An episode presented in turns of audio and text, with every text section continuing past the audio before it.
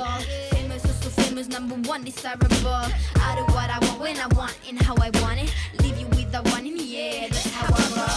I got tons of soul, I'm a true collectible. Famous, so, so famous, number one, desirable. I do what I want when I want and how I want it.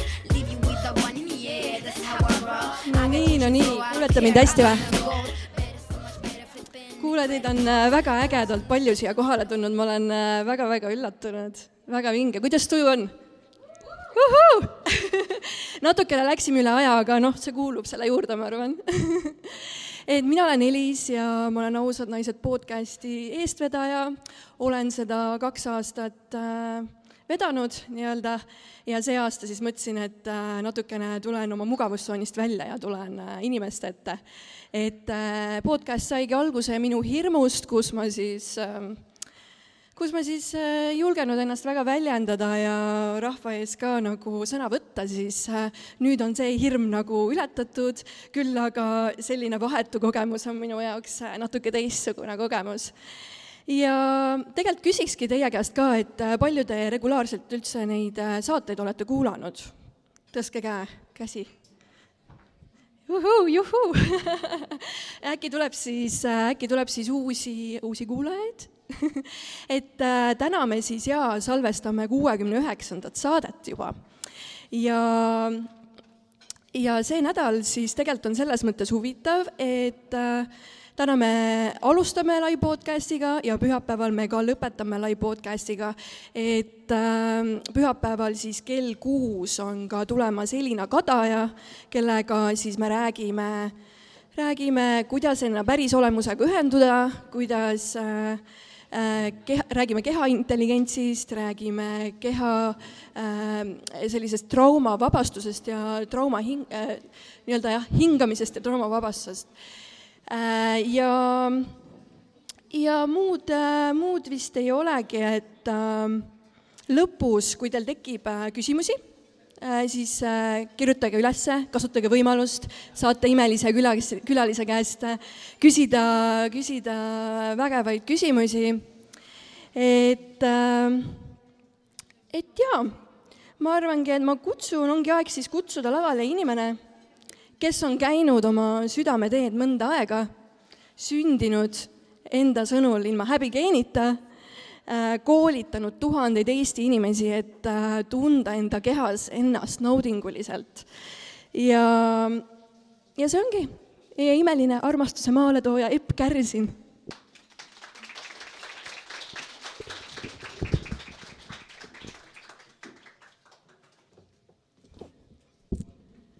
väga vinge. nii, kas said tere õhtust, kuulete kõik mind? näete ka, on ju? just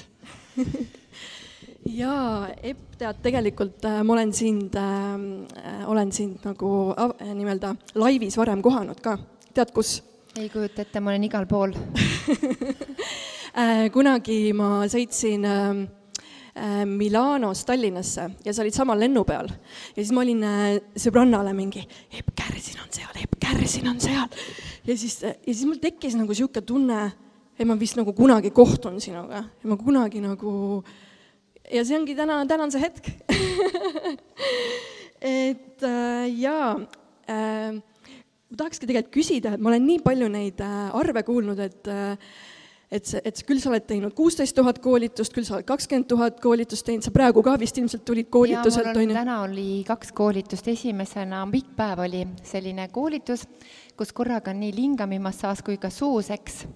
ja ma lõpetasin ja täna jälle koolituse, see on mu igapäevane töö ja ma olen tänaseks koolitanud, ma ise arvan juba, et kohe-kohe on kakskümmend neli tuhat täis mm. -hmm, mm -hmm ja, ja algul ausalt öeldes äh, mul oli, kui ma, kui sa hakkasid, alustasid sellega, on ju? see oli kaks tuhat viisteist aasta seitsmes veebruar mm. -hmm. et kui sa nagu alustasid sellega, siis noh, mina seksuaalsuse teemal ei olnud nagu kõige nagu avatum, ma olin pigem selline hinnanguline ja siis ma mõtlesin, et mida ta seal nagu seletab ikka, et nagu hmm. et naine, kes räägib seksist, ei ole normaalne. nii arvavad enamus, kes pole minu koolitusel käinud. jah, just. aga ma... peale koolitust see muutub.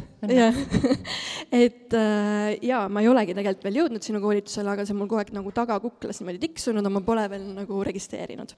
aga ma teen seda kindlasti. meil on, äh, ma kohe teen äh, võimaluse tutvustada, et see on nüüd uus salakeel et kui ma koolitusel varem jagasin rinnamärke, nüüd ma teen ka seda praegu mm, -hmm. aga see on minu välja mõeldud disain, et äh, naised äh, kurtsid mulle, et kui nad on käinud koolitusel, siis see rinnamärk on nii väike, et mehed lihtsalt ei märka seda. ja nüüd on selline käevõru, kes on läbinud koolituse, on võimalik see endale soetada ja see on osavate näppudega ja suu ja kõige tunnuseks, nii et vaadake täna siin saalis, mõnel naisel on see ka käe peal no ütleme ära ka, et siis ta käis täna värskelt koolitusel, et tal oleks väga praktikat vaja teha, et ta on vallaline. okei, okei.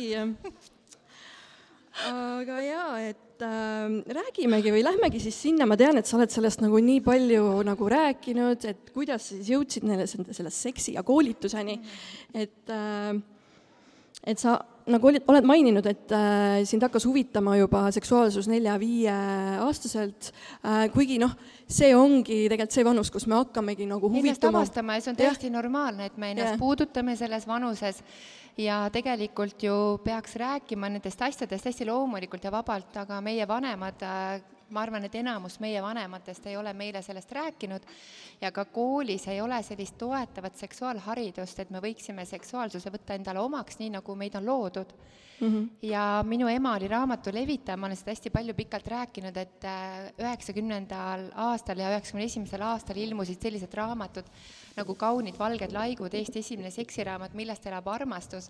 Need raamatud olid mul kapsaks loetud, need olid mul koolikotis alati kaasas, et nii kui on vahetund WC-sse, lugesin teistele ka ette, kuidas asjad tegelikult käivad. ma ei jõudnud ära oodata, kuna seksima saab okei okay., aga, aga siis nagu sealt tekkis esimene niisugune huvi, aga kust, ähm, kus siis see koolituse variant nagu tuli, kuidas see nagu kulmineerus? ma läheksin selle juurde tagasi, et äh, kui te täna olete sellisel kohal, et ei tea, et mis on õige või mis on vale oma teel, siis õige tee on see, et teil ei ole takistusi. Ja mina olen olnud terve oma elu ettevõtja ja eelmiste ettevõtetega lihtsalt tekkis nii palju selliseid kohti, mis olid nii rasked minu jaoks. Ja ühel hetkel ma olin äh, läbi põlenud, ma olin EMO-s tilgutite all ja siis ma sain aru, et ma peaksin tegelikult äh, mitte enam punnitama, vaid lihtsalt hakkama elu usaldama. ja see oli kaks tuhat neliteist aasta oktoober, peale minu enda sünnipäeva ja siis ma võtsin otsuse vastu, et ma müün ettevõtte maha ja ma ei teadnud, mida ma teha tahan. aga mulle ju seks kogu aeg meeldinud, on ju mm. -hmm. ja siis ma meelitasin oma tolleaegsest kaaslast, et lähme Itaaliasse Vicenza, Vicenzasse seksiklubisse. tema ütles, et ma olen pervert, ma ütlesin, kas sa siis ei tea, muidugi olen, enamus naised on perverdid. lihtsalt nad ei julge seda välja öelda, täna koolitusel ka küsisin, üks naine ütles, et ta pole oma mehele kõssanudki seda kardab, et äkki ehmatab ära, ma ütlesin, et ei ehmata, vastupidi, teil läheb väga lõbusaks. ja siis me leppisime kokku, et me lähme sinna klubisse, aga see klubi oli selline, et no tõesti, ma pole nii ägedas klubis kunagi käinud, aga me leppisime kokku, et me teeme seda kahekesti, aga vaatame, mida teised teevad. ja tõesti, viiskümmend halli var-, varjundit, see film lihtsalt kahvatub selle kõrval. nii palju ilusaid inimesi, nii palju erinevaid fantaasiaid no kõik see, mida te võite näha, ette kujutada, mis on äh, pornosaitidel mm. -hmm. seal on nagu kõike, seal, seal on tõesti nagu, nagu ussid on seal inimesed kõik omavahel. see ongi siis nagu mingi svingerite moodi? ja, ja see on svingerite klubi. ja siis mul, ma tulin Eestisse tagasi, kusjuures ma kahtlustan, et äkki me tulimegi siis sellel Milanos, ühesõnaga, võib-olla see võiski olla see aeg ja siis mul tuli mõte, et ma teen Eestisse selle klubi, aga juhtus nii, et ma jäin haigeks ja ma ei saanud seda klubi teha siia ja ma olin väga kõrges palavikus ja läbi selle kõrge palaviku siis tekkis mul nägemus, kus ma nägin pikka punast lauda tildodega, ma olen nii palju seda rääkinud. ja siis ma hommikul ärkasin üles, ütlesin oma elukaaslasele, tead, nüüd ma hakkan tegema seksikoolitusi. siis ta katsus mul otsa ja siis ütles, ei, see pole võimalik, sul on palavik tõusnud. ma ütlesin, et ei ole. sain terveks, läksin, ostsin Ott Lipsist kümme tildot, mind vaadati, et ma olen ikka täiesti naine, mis ta teeb kümne tildoga ja siis ma ütlesin kohe neile, et ma hakkan tegema seksikoolitusi ja see läks tõesti nagu kulu tuli. nii et see sai alguse lihtsalt tegelikult minu nägemusest ja väga suurest kirest äh, seksi vastu mm. -hmm. mida võib-olla tegelikult paljud ei tea, siis sa oled olnud äh, meestejuuksur, sa oled äh, kohe loen siit, et treener oled olnud, personaaltreener siis ma saan aru? ma olen lõpetanud tegelikult jällegi, ma ei tohi öelda tegelikult, tõstke käsi püsti, kes on minu sõber tegelikult ma ei tohi öelda. kui ma iseennast kuulan, siis mul on alati piinlik, et ma ütlen tegelikult, sa ei taha üldse siin minuga koostööd teha äkki siin üks tehnika niimoodi vist on parem. Mhm. ühesõnaga, olen lõpetanud Tartu Ülikooli kehakultuuri teaduskonna, paberite järgi ma olen kehaliskasvatusõpetaja, lisaks ma olen olnud treener, toitumisnõustaja õppinud rõivadisaineriks pea seitse aastat, töötanud iluvaldkonnas pea viisteist aastat, olnud mm -hmm. juuksur, jumestaja, meeste juuksur wow., õppinud hiinameditsiini ja ühesõnaga, mul on hunt kliinsima üheksa ametit, kõik oskan ära teha. suht minulik tegelikult, ma olen ka niisugune hästi mitme huviga, ma olen ise ka iluvaldkonnas olnud ja siis nüüd äh, üldse kuskil mujal valdkonnas ja nüüd teen podcast'i ja ja et ma tahan öelda, et kui teil on elus nagu nii palju selliseid äh, soove, mida te tahate õppida, siis lõpuks jooksevad kõik need asjad kokku omavahel millest on teile kõigest kasu, sest need asjad, mis ma olen täna õppinud, ma olen ülitänulik, et äh, on äh, nagu pusletükid, mis on ära raamitud ja lihtsalt tulebki elu usaldada, et kui sul kuskile poole sinu süda tõmbab, siis tuleb sellele alati järgi minna. aga mida sa nendest kogemusest oled õppinud, et sa täna nagu oled siin, kus sa oled, need kogemused, mis sa oled omandanud, kõik need oskused? et mille, kuidas, kuidas see mulle kasu, kasuks tuleb mm? -hmm kindlasti mul on lihtsam, äh, kui mul tuleb eksprompt mingi esinemine, et ma ei pea leppima kokku aega jumestajaga, et ma pean, saan selle ise teha mm. -hmm. kindlasti stilistika poolest, et ma saan endale ise valida riided, mis ma selga panen. Äh, minu jaoks on välimus hästi oluline mitte ainult sisemaailmas, vaid ka välismaailmast, et ma ju ise olen iseenda visiitkaart ja tervislik toitumine, sportlik elustiil, see ainult annab äh, võimalust rohkem elus jõuda ja mida rohkem sa oled rahul oma kehaga, seda rohkem sa koged ka magamistoas naudinguid. et naine, kes ennast häbeneb või ütleb, kus sa paned või sinna küll ei saa, et ära seda tekki küll pealt ära tõmba, siis äh, see väga palju võtab seda suurt võimalust lihtsalt kogeda. jah, lihtsalt nagu olla ja kogeda seda elu. just äh, kas, kas see vastab tõele, et su kunagine unistus oli saada strippariks? loomulikult loomulikult oli, minu lemmikfilm on Demi Moore'iga Striptease, ma olen seda vaadanud vist rohkem kui kakskümmend, kolmkümmend korda. ja ma unistasin väga saada selleks ja ma käisin isegi katsetel, mind võeti vastu ja ma pidin minema Taani Waterloo tantsuklubisse, kus olidki stripparid. aga siis selgus see, et äh, tegelikult oli see mitte stripiklubi, vaid hoopis seksiklubi ja siis Aha. ma mõtlesin, et sinna ma ikka ei lähe ahah, okei okay,, et siis aga ma äh, olen õppinud postitantsu ja kui mul on, kunagi oli selline ööklubi nagu Vabank mm -hmm. ja seal oli see vipi poole peal oli see post. nii kui ma sinna läksin, ma olin posti otsas pea alaspidi alati ja see oli, noh, ma tegin seda täitsa tasuta, esinesin inimestele, aga hoidis väga hästi nagu kõhulihased ja kõik lihased mm vormis, nii et äh, ma olen alati teinud neid asju, mis mulle meeldib ja mul ei ole korda läinud see, mida teised minust arvavad. me ise arvame, et ma olen jube äge naine ja mul nagu kõik naised, kes äh, tegelikult iseennast armastavad ja väärtustavad, siis see ongi esimene osa sellest, et pane ennast esikohale, ära võrdle ennast kellegi teisega mm, -hmm. sest koopiat sinust ei ole olemas, ole iseendast kõige parem ja kõige ägedam versioon see, et sa kohtusid seda nii-öelda seksiklubi, siis seetõttu see ei läinud täide või mistõttu siis äh, strippari amet ei läinud täide?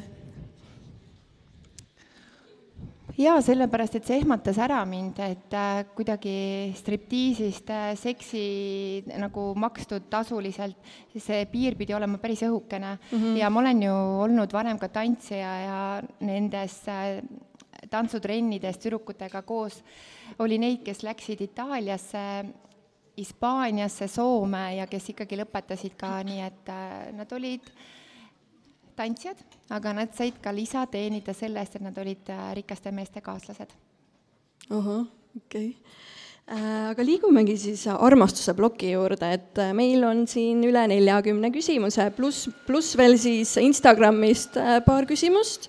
Ja siis tulevad teie küsimused ka, et äh, kindlasti hoidke võib-olla aega, võib-olla Grisel siin ees saab mulle öelda aega vahepeal teha niimoodi, et, et, et kui mingi kakskümmend minutit jätta nagu äh, siis publikule ka aega. Äh, aga kuna sa oled ise armastuse maaletooja, siis sa pead ise ka ju sellest õhkama ja seda nagu täis olema, et kuidas sa ise seda anumat täidad? naudingutega.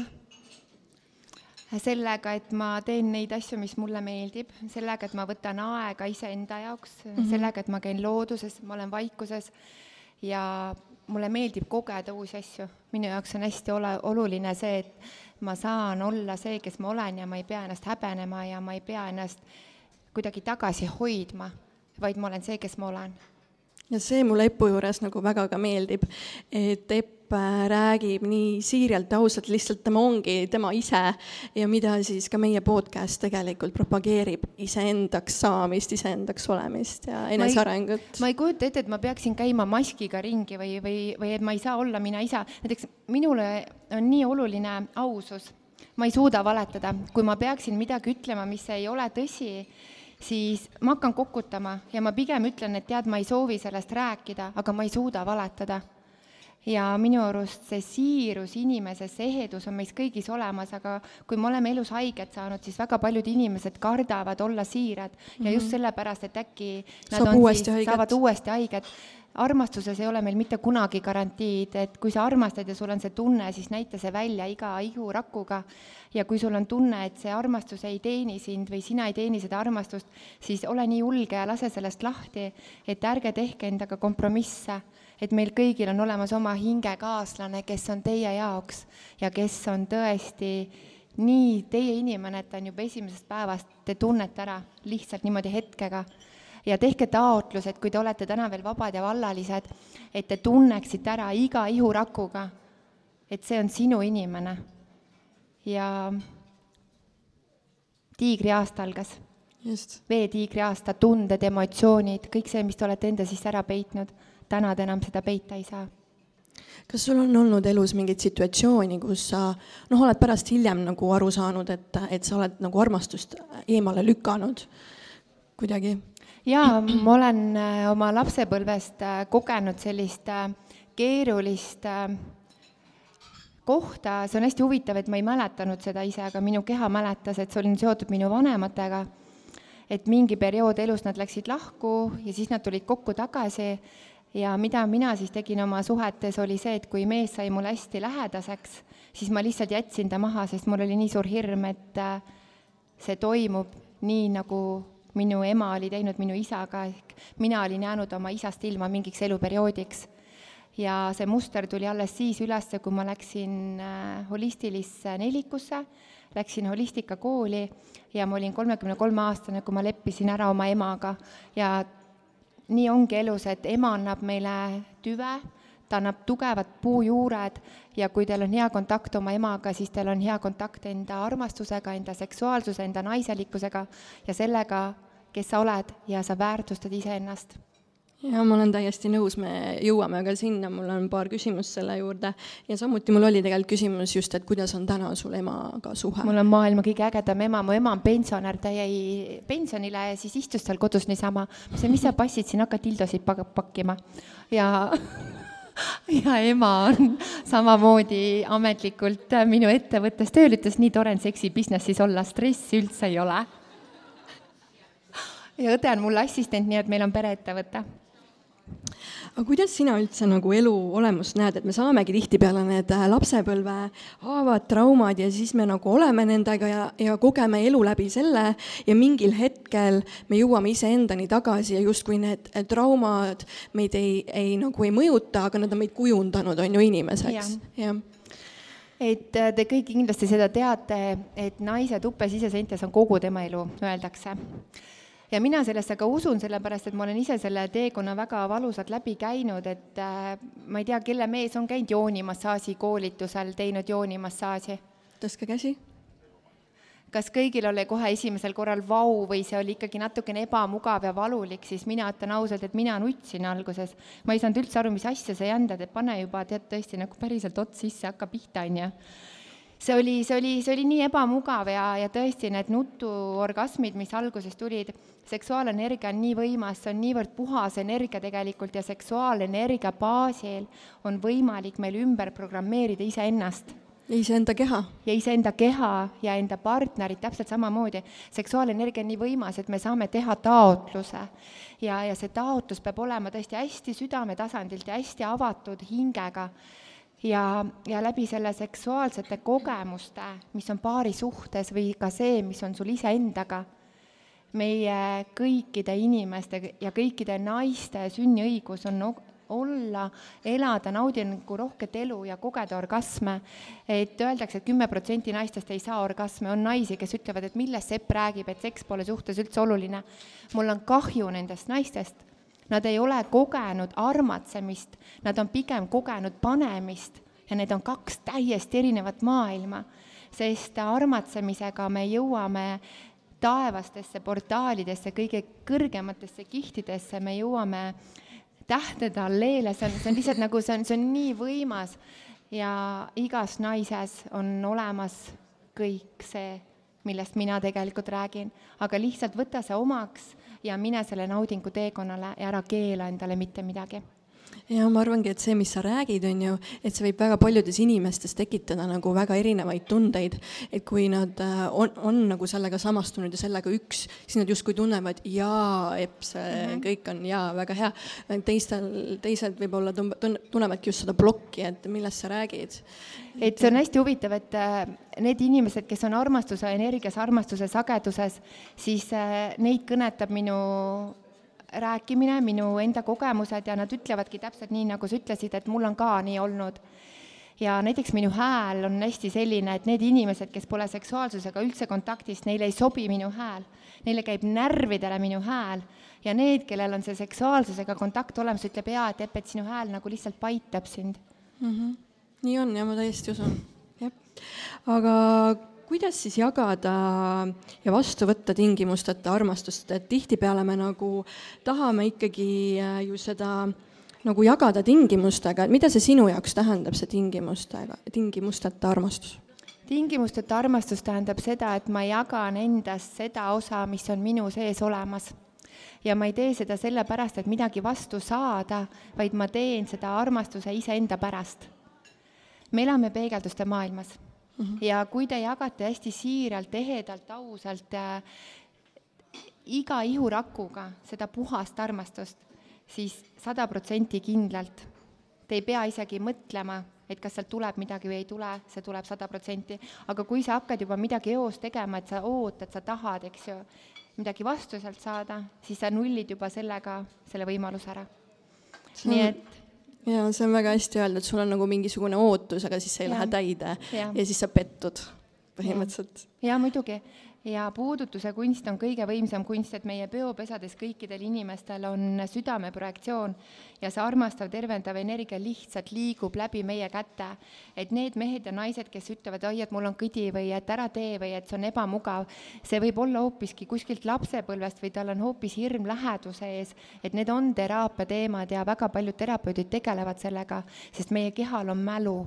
Meie kehal on mälu raku tasandil, meie kehal on mälu ja, ja kui sina iseennast oskad puudutada, siis anna see puudutus edasi oma partnerile selleks, et tema oskaks rääkida sinu puudutuse keelt.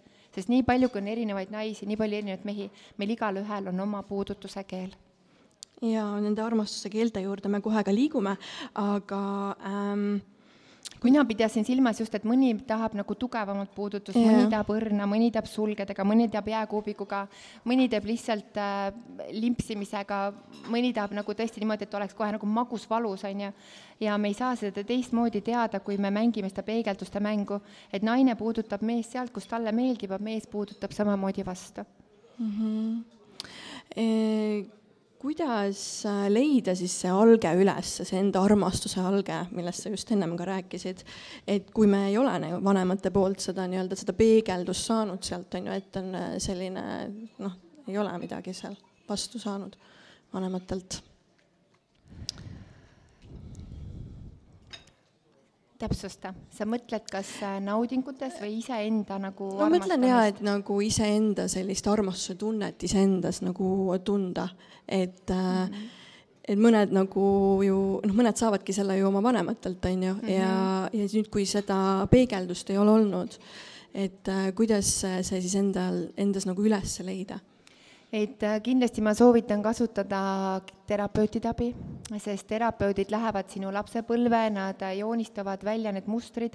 genogramm on väga võimas asi, mida kasutavad äh, terapeudid mm., sest genogrammis on kõik, kõik, kõik see, millised me täna tegelikult oleme. Et kuidas me suhtume, näiteks kui on mingisugune ülemäärane stress, et kuidas me käituma hakkame või, või kui meil on armastuse puudus, et kuidas me siis käituma hakkame, või kui meid on pettud, petetud, et kuidas me reageerime, või kui meil on väga madal mina eristustase, et kuidas me siis reageerime. Mm -hmm. ja, ja sealt joonistuvad välja kõik, kõige olulisemad asjad ja iseenda armastamine, seda on nii lihtne öelda, et armasta iseennast, aga siis küsitakse, aga kuidas ma ennast armastan, et ma ei oska ennast armastada siis enda armastamine tähendab seda, et sinu hing endal heliseb sees, et sa ei lähe vastuollu mitte ühegi asjaga, mis sulle ei sobi. ja sinna juurde tuleb kindlasti see ausus, et alati ka välja öelda, kuidas sina ennast tunned või et kui keegi sinuga niimoodi käitub, et te julgete alati tagasi peegeldada. Et me ei pea olema need, kes me kuidagi ennast äh, ära peidame või, või tagasi hoiame. ma nii soovin, et igaüks saaks olla nii ehe täpselt nii, nagu ta on loodud siia maailma, sest kui me oleme kõik meie ise, siis see maailm läheks pusletükkidena palju paremini kokku, kui, kui see, et igaüks omas nurgas kuidagi pusib ja maailm oleks palju-palju ilusam siis. ja naistele see enesearmastus, mina olen väga palju enesearmastust leidnud läbi tantsu. Et äh, tants on üks võimsamaid teraapiaid, mis saab olla naisele.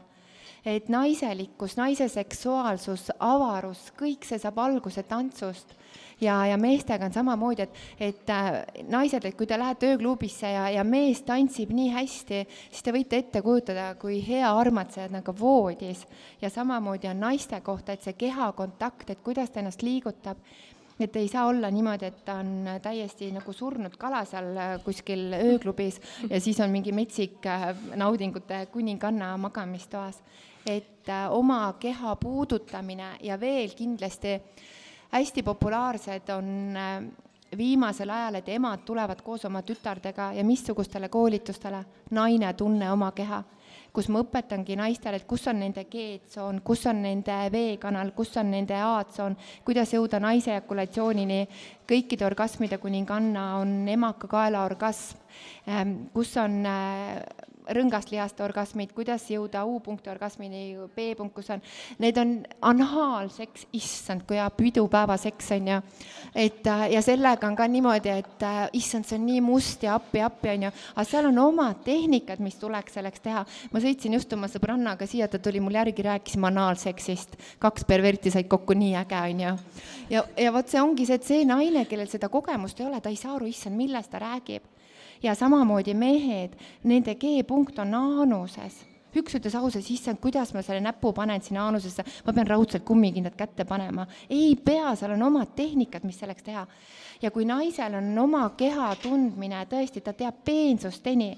minul oli kunagi üks suhe, kus mees ütles, et kas me seksime või meil on koolitus, ma ütlesin, meil on täna koolitus, teeme edasi et Aha. te peate julgema magamistoas suunata, et ega mehed ei ole hiromandid, nad ei loe teid ridade vahelt. et sina tunned oma keha, siis hea seks saabki sellest alguse. mul ei ole kehva seksi.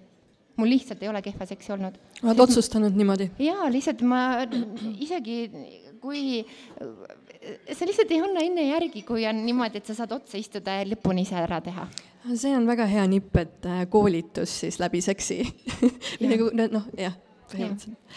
Äh, aga ma tahtsingi küsida, et äh, paljud teist siis käivad tantsimas, palju seda naisenergiat endast äh, niimoodi välja lasevad? ahah, okei okay,, väga lahe. siin homsest saab läbi piirangud.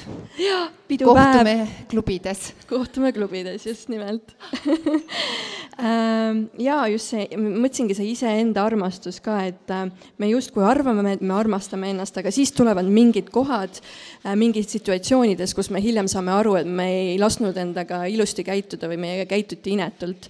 et võib-olla sul on ka mingis situatsioonis niisuguseid kogemusi olnud, et äkki tood mingi näite? ma olen, ma olen kuulnud neid naisi, kes ütlevad, et ta käitus minuga nii ja ta käitus mm -hmm. nii ja ta ütles mulle, ta tegi mulle seda, siis tegelikult on see, et sina ise oled lasknud endaga niimoodi käituda mm. -hmm.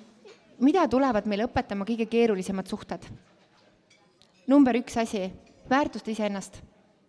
kui sul on hingetasandil kuskil see tunne, et ta teeb midagi, mis sind hinge kriibib, siis see mees ei ole sinu inimene mees peab naist hoidma nagu pärli, kõige ilusamat, kõige säravamat. aga ometi me hoiame nendest äh, meestest tihtipeale kinni, on ju. jaa, sest, sest see võib olla ka seotud meie valu, valukogemusega, et mm -hmm. näiteks lapsepõlves meie jaoks armastus oli see, kui ema või isa tegi meile, lükkas meid eemale ja siis me meeleheitlikult tahtsime enda armastust välja teenida ja nii paljud lapsed on ju niimoodi, et nad püüavad olla kukupaid selleks, et vanemad neid märkaksid ja teistpidi ka näiteks laps, kes hakkab käituma väga agressiivselt või väga halvasti, siis ei ole probleem selles lapses, vaid probleem on selles, et ta ei saa seda tähelepanu. Äh, enesearmastuses kindlasti väga oluline on rääkida hästi ausalt et ära jäta välja ütlemata mitte ühtegi asja, mis sulle ei sobi. olge avatud raamatud, olge nii avatud raamatud, kui te saate. ja, ja seega avatud raamat tähendab seda, et, et me anname partnerile nagu kohe tagasiside, mitte nädal aega me ei käi mossis näoga ringi ja kui mees küsib, mis sul viga on, siis sa ütled mitte midagi. Niisuguse energiaga lihtsalt. Ja enesearmastuse juures on see, et äh, kui me oleme justkui lapse, kui me olemegi lapsevanemad, siis me kaotame ära iseennast. et ka lapsevanemaks olemise juures me peame võtma aega paari suhtele ja kõige keerulisem suhe ju tulebki tegelikult meile õpetama, kas sa armastad ennast, kas sa väärtustad ennast ja kas sul on piirid paigas. et kui meil ei ole suhtes piire paigas, siis me jääme teineteisele tegelikult võõraks ja kui me enam suhtes ei naera teineteise naljade peale või kui ma ei taha enam meest kallistada, et ta tuleb, võtab mul ümber kinni, aga ma seisan lihtsalt soolasammas, on ju, või kui ta tahab mind suudelda, ma keeran lihtsalt pea ära siis, siis naise huuled on otse seotud naise suguelundiga naise häälepaelad on seotud otse suguelunditega. et kui te magamistoas olete niimoodi siis ei olegi või, jaa, ei olegi võimalik energiat. jõuda sinna sügavatesse mm. naudingutesse ja kuidas orgasme saab duubeldada. Teil peavad olema lihtsalt toonuses vaagnapõhjalihased ja need multiorgasmid on olemas kõikides naistes ja see, kuidas sa oma kehaga nagu hakkad seda orgasmi suunama ja läbi hingamise, jube seksiisu tuleb peale lihtsalt nagu. tuleb praegu jah? okei okay. ja see seksuaalsuse teema meil on jah uh,, siin on jah, päris palju küsimusi et, et, et äh, aga lähme ikkagi veel, räägime seda armastuse teemat, et, äh, et miks inimesed sinu arvates klammerduvad üksteisesse? et, et armastus on tegelikult, tegelikult ju vaba täiesti. armastus on vaba. armastus on nagu elav tuli olete teinud kaminasse tule ja kui te tõmbate siibrit kinni, siis see kustub ära. armastusega täpselt samamoodi.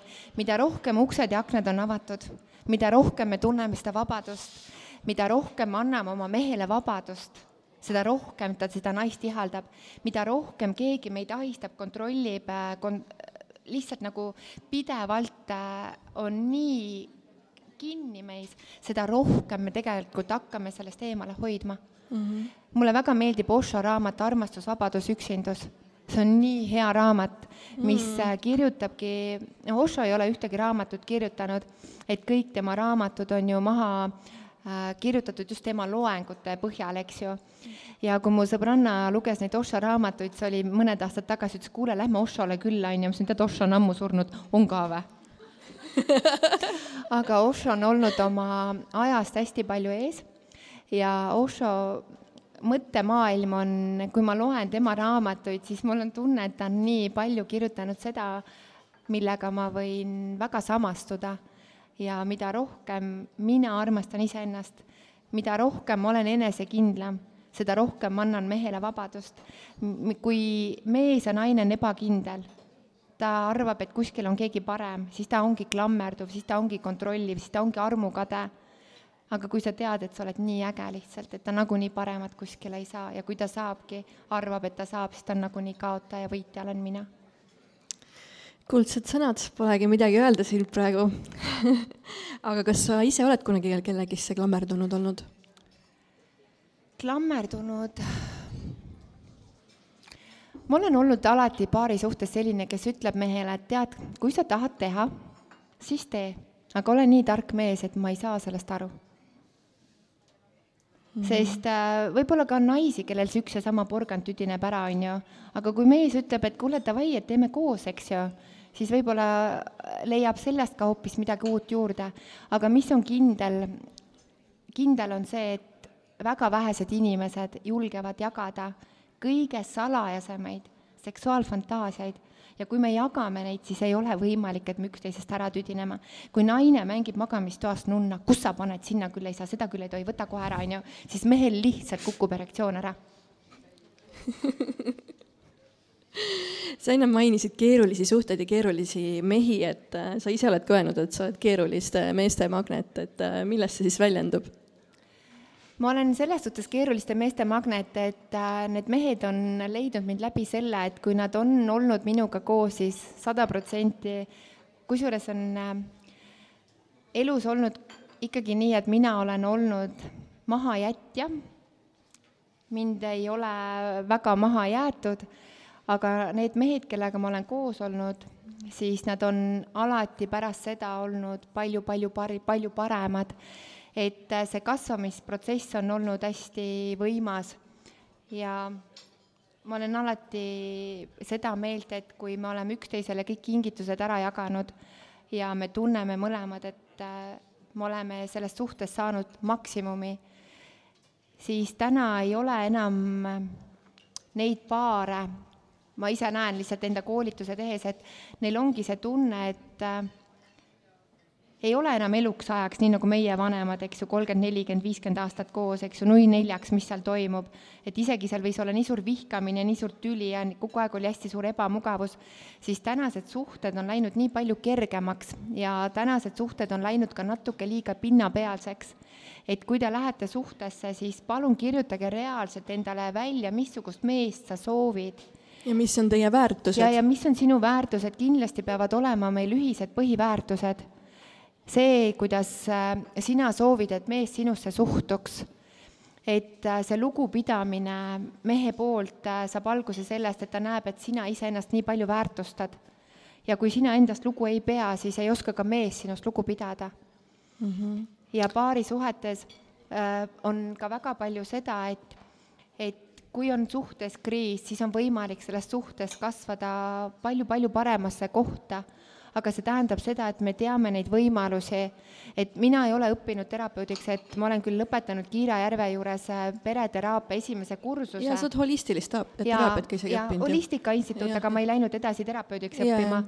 aga on olemas ju meil Imago mis on teekond soovitud armastuseni, kõik mehed ja naised peaksid selle läbima, äh, siis kindlasti PREP paarisuhte edendamise programm, et enne, kui te leivad ühte kappi panete, suhte seda võiks isegi enne teha, jah? Te võiksite seda ennem teha, sest kui, kui me oleme suhtes olnud väga pikalt koos ja me oleme üksteist nii ära lõhkunud hingetasandilt, siis sealt välja kasvada on palju keerulisem kui see, et me juba alguses eos laome väga tugeva vundamendi ja võtke see aeg, et teineteist tundma õppida, ärge kiirustage, et kui te olete ühest suhtest lahku läinud, siis pool aastat, aasta oleks ideaalne, kui te olete veel üksinda. Mhm. tegeletegi hinda, hingearenguga, tegelete enda hobidega, otsite üles oma sõbrad, loete raamatuid, käite kinos, kontserditel, naudite sellist äh, vabadust, et ei pea kellelegi kellegiga arvestama, sest vahest on elus nii hea, et te saategi teha spontaanselt seda, mis pähe tuleb mm. -hmm. aga paari suhtes see ei ole väga lihtne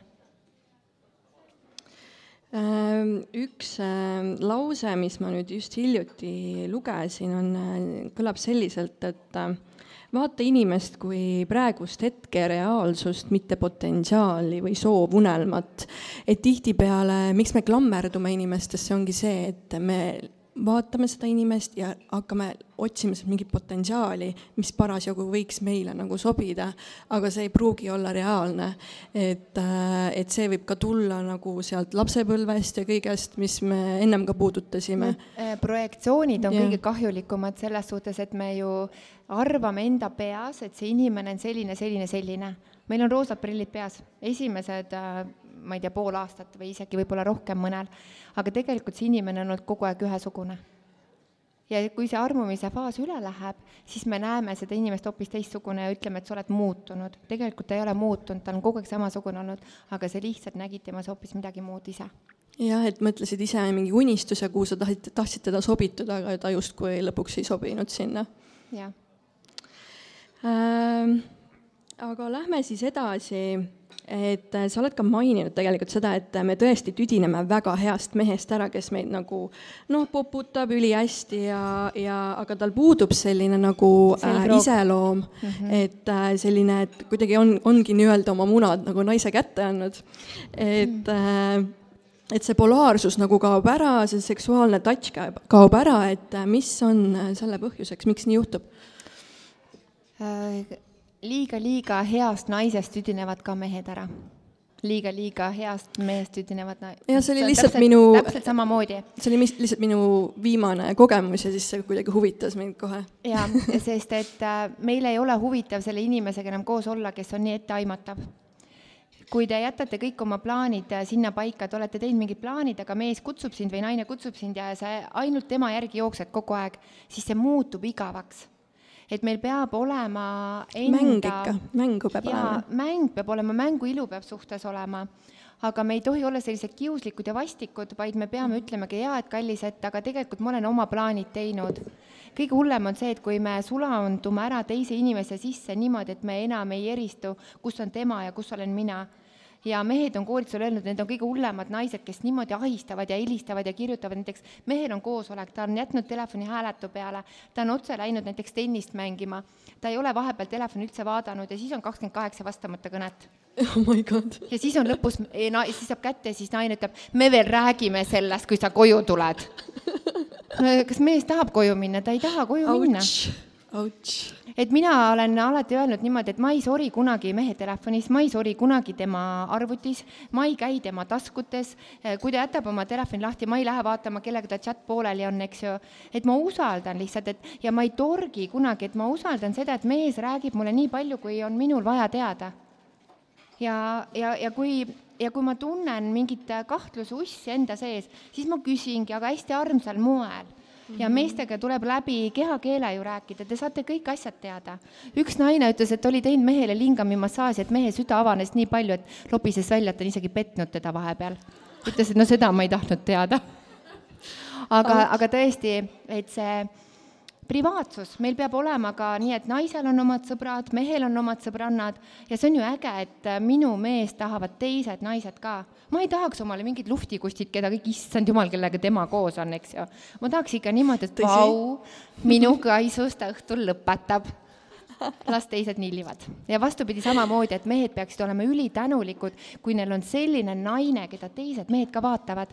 ta peaks uhke olema, mitte ütlema, et kuule, lõpeta ära, kas sa saad, on ju, ei seelikut selga küll ei pane, käid kurgu-nulguni, eks ju, nunna kostüümis.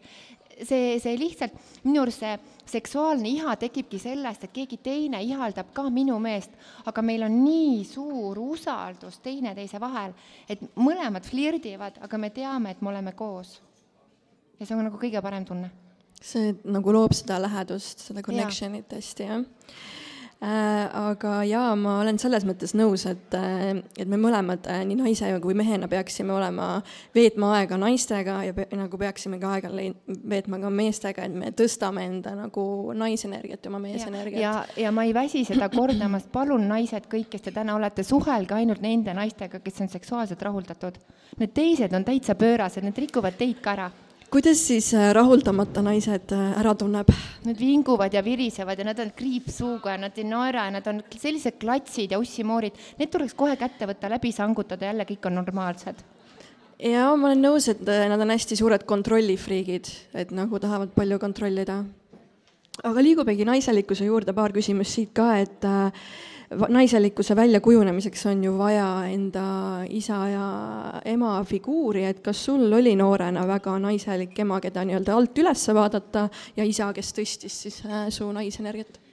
jaa, mul on äh, ema ja isa mõlemad, nad olid äh,, isa mul on kahjuks küll surnud, aga mu isa on kindlasti minu meesideaal sest äh, minu isa oli selline, kes oli hästi heas vormis, vaatamata sellele, et ta väga trenni ei teinud, aga tal oli geneetiline kood niimoodi, et ta oli selline nagu turske, tal olid sellised laiad õlad ja tal oli ilus õlavööde ja, ja no nii prinkis kannid olid tal. Ja ma ütlen ausalt, et täna ma lihtsalt nagu, kui mehel on, ma, ma ei saa, ma lihtsalt nagu, ma, ma kohe tahaks nagu kinniselt võtta. Et, äh, et kindlasti see isa on olnud minu jaoks selline ideaalmees ja see, kuidas ta meie ema hoidis, eks ju, see, mis nende omavahel oli, kui palju nad kallistasid, kui palju nad suudlesid ja, ja nad olid mõlemad, kes armastasid tantsimist. ja mu ema on hästi väike naine, selline tillukene, isa oli selline pikk, ema väike mm. -hmm. ja, ja mu ema on hästi naiselik naine et äh, kindlasti ma olen saanud mõjutuse kodust, et kuidas ema-isa suhe oli, kuidas täna mina naisena olen, näiteks kui minu isa läks hommikul tööle, siis ema ulatas talle kingad, ema aitas talle mantli selga. Aa, ja kui, kui isa tuli näiteks, temal oli pikem tööpäev, ema oli varem kodus toidu valmis teinud ja kui oli juba ukse see, et ukslink meil ei käinud uksed lukku tollel ajal ja ukselink juba alla tuli, siis ema juba läks, ükstaspuha, mis tal poolikut oli, ta läks, ta kallistas isa, ta võttis isal mantli seljast ja pani selle nagisse. ja kuidas mina täna teen? ma ei ole see nagu, ma ühel koolitusel ma hakkasin sellest rääkima, et kas te olete jälginud oma vanemaid ja me kordame nende vanemate mustrit, siis täna ma ütlen, et ma olen saanud nii palju sellist mehe hoidmist tegelikult oma ema poolt. Et minu ema ja isa armastus oli tohutult ilus.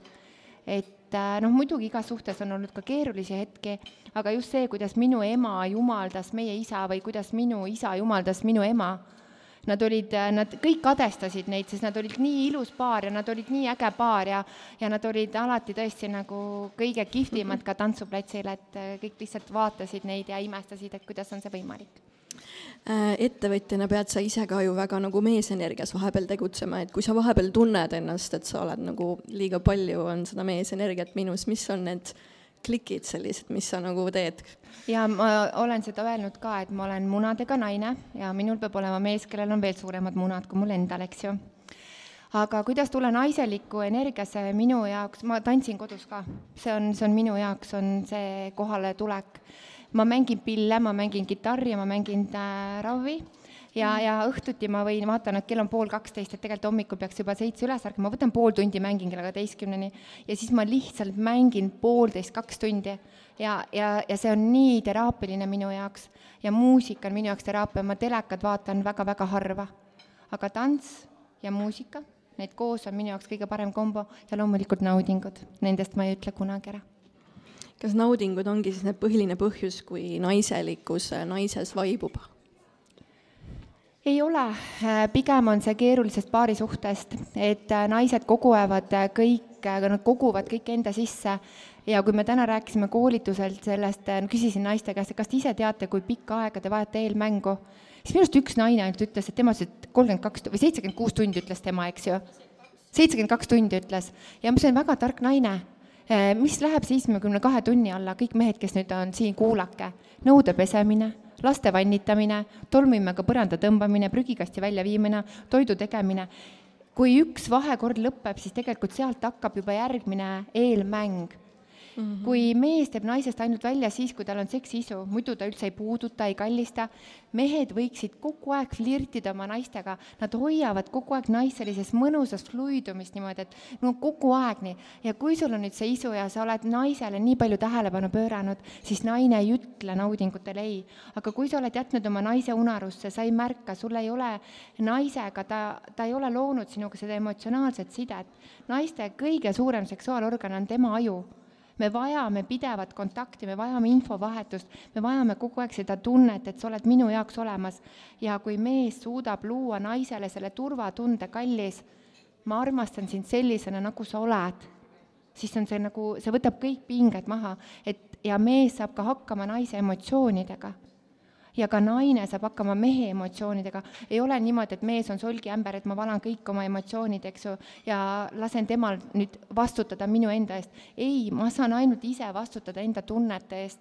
mina ise pean vastutama, ise saama enda tunnetega hakkama, aga oluline on see, et kui ma jagan oma partnerile, siis vahest on ka see, et, et ega naine ei tahagi lahendust, ta tahab lihtsalt rääkida, et teda kuulatakse ja kuulamisoskus on nii suur kunst ja see on ülioluline. et meil lastakse et, rääkida, et meil ei segata vahele, et me saame ennast lihtsalt tühjaks rääkida. ja nõus täiesti. Polegi siia midagi lisada, liigume seksuaalsuse teema juurde ja siis ma tahakski lihtsalt kohe küsida, et äh, kuidas sa nüüd tunned, et kui sa oled nüüd nagu kuus aastat vist olid neid koolitusi teinud või? seitse ah,. seitse. et äh, kas siis äh, seksi teema on äh, üldse Eestis äh, tabu või, või ei ole? eestlaste hulgas on äh, see seksi teema muutunud aina populaarsemaks ma näen seda just ka sellest, täiesti täitsa teine valdkond, kuidas ettevõtted käivad oma meeskondasid koolitamas. sest kui inimesed on kodus õnnelikud, nad on tööl palju-palju loomingulisemad, nad on tööl palju produktiivsemad, minu arust Eestis me peaksime vastu võtma seaduse, et meil on äh, viie tööpäeva asemel neli tööpäeva ja reede on seksipäev. lapsed on lasteaias ja koolis ja me lihtsalt seksime nagu nugised ja laupäev-pühapäev me oleme rahuldatud, õnnelikud vanemad ja, ja nii me oleme viie rikkama riigi hulgas varsti jah. Äh, kas siis äh, seks on kingitus Jumalalt inimesele või kuidas sina seksi olemust lahti seletaksid? noh, sa oled juba päris palju sellest rääkinud, aga sa võid veel midagi nagu juurde? jaa, seks on äh, kingitus Jumalatelt inimestele, aga Jumalad unustasid anda kaasa meile käsiraamatu selle kohta, kuidas seda jumalikku seksi ja kuidas selleni üldsegi jõuda mina ei ole seksiekspert, mina ei ole see, kes arvab, et mina olen kõige targem ja, ja et minu tõde on ainus tõde, vaid ma olen alati öelnud, et ma olen kogemuskoolitaja. et kõik see, mis ma oma koolitustel jagan, on kogetud läbi minu enda keha, see ei ole lihtsalt äh, mingi kuiv teooria kuskilt raamatust. ja ma olen alati öelnud peale koolitusi, et äh, kõige tähtsam on sul endal soov seda kõike kogeda, et sa oled avatud, et sa julged nihutada enda piire ja ja läbi selle seksuaalsus on niivõrd, niivõrd võimas ja ta on niivõrd plastiline. ta on nii mitmetasandiline. ta on nii mitmetasandiline ja teiseks on see, et äh, kui me oleme üli, ülemäärases stressis või me oleme keerulises suhtes, siis seksuaalsus pakib niimoodi ennast kokku, et meil pool aastat, aasta, isegi kolm-neli aastat, meil ei pruugi üldse olla seksiisu ja siis tuleb õige inimene sinu ellu ja ta lihtsalt paneb sind niimoodi õitsema. Ja siis sa mõtled, oh my god, kuidas ma sain ilma selleta olla. alles hiljuti oli mul, Tartus oli koolitus neljapäeval ja üks naine oli käinud mul suuseksi koolitusel, oli teinud siis mehele seda suuseksi ja mees äkki täiesti tühjast kohast, onju, ütles oma naisele, thanks God, kärsin, et sa oled olemas.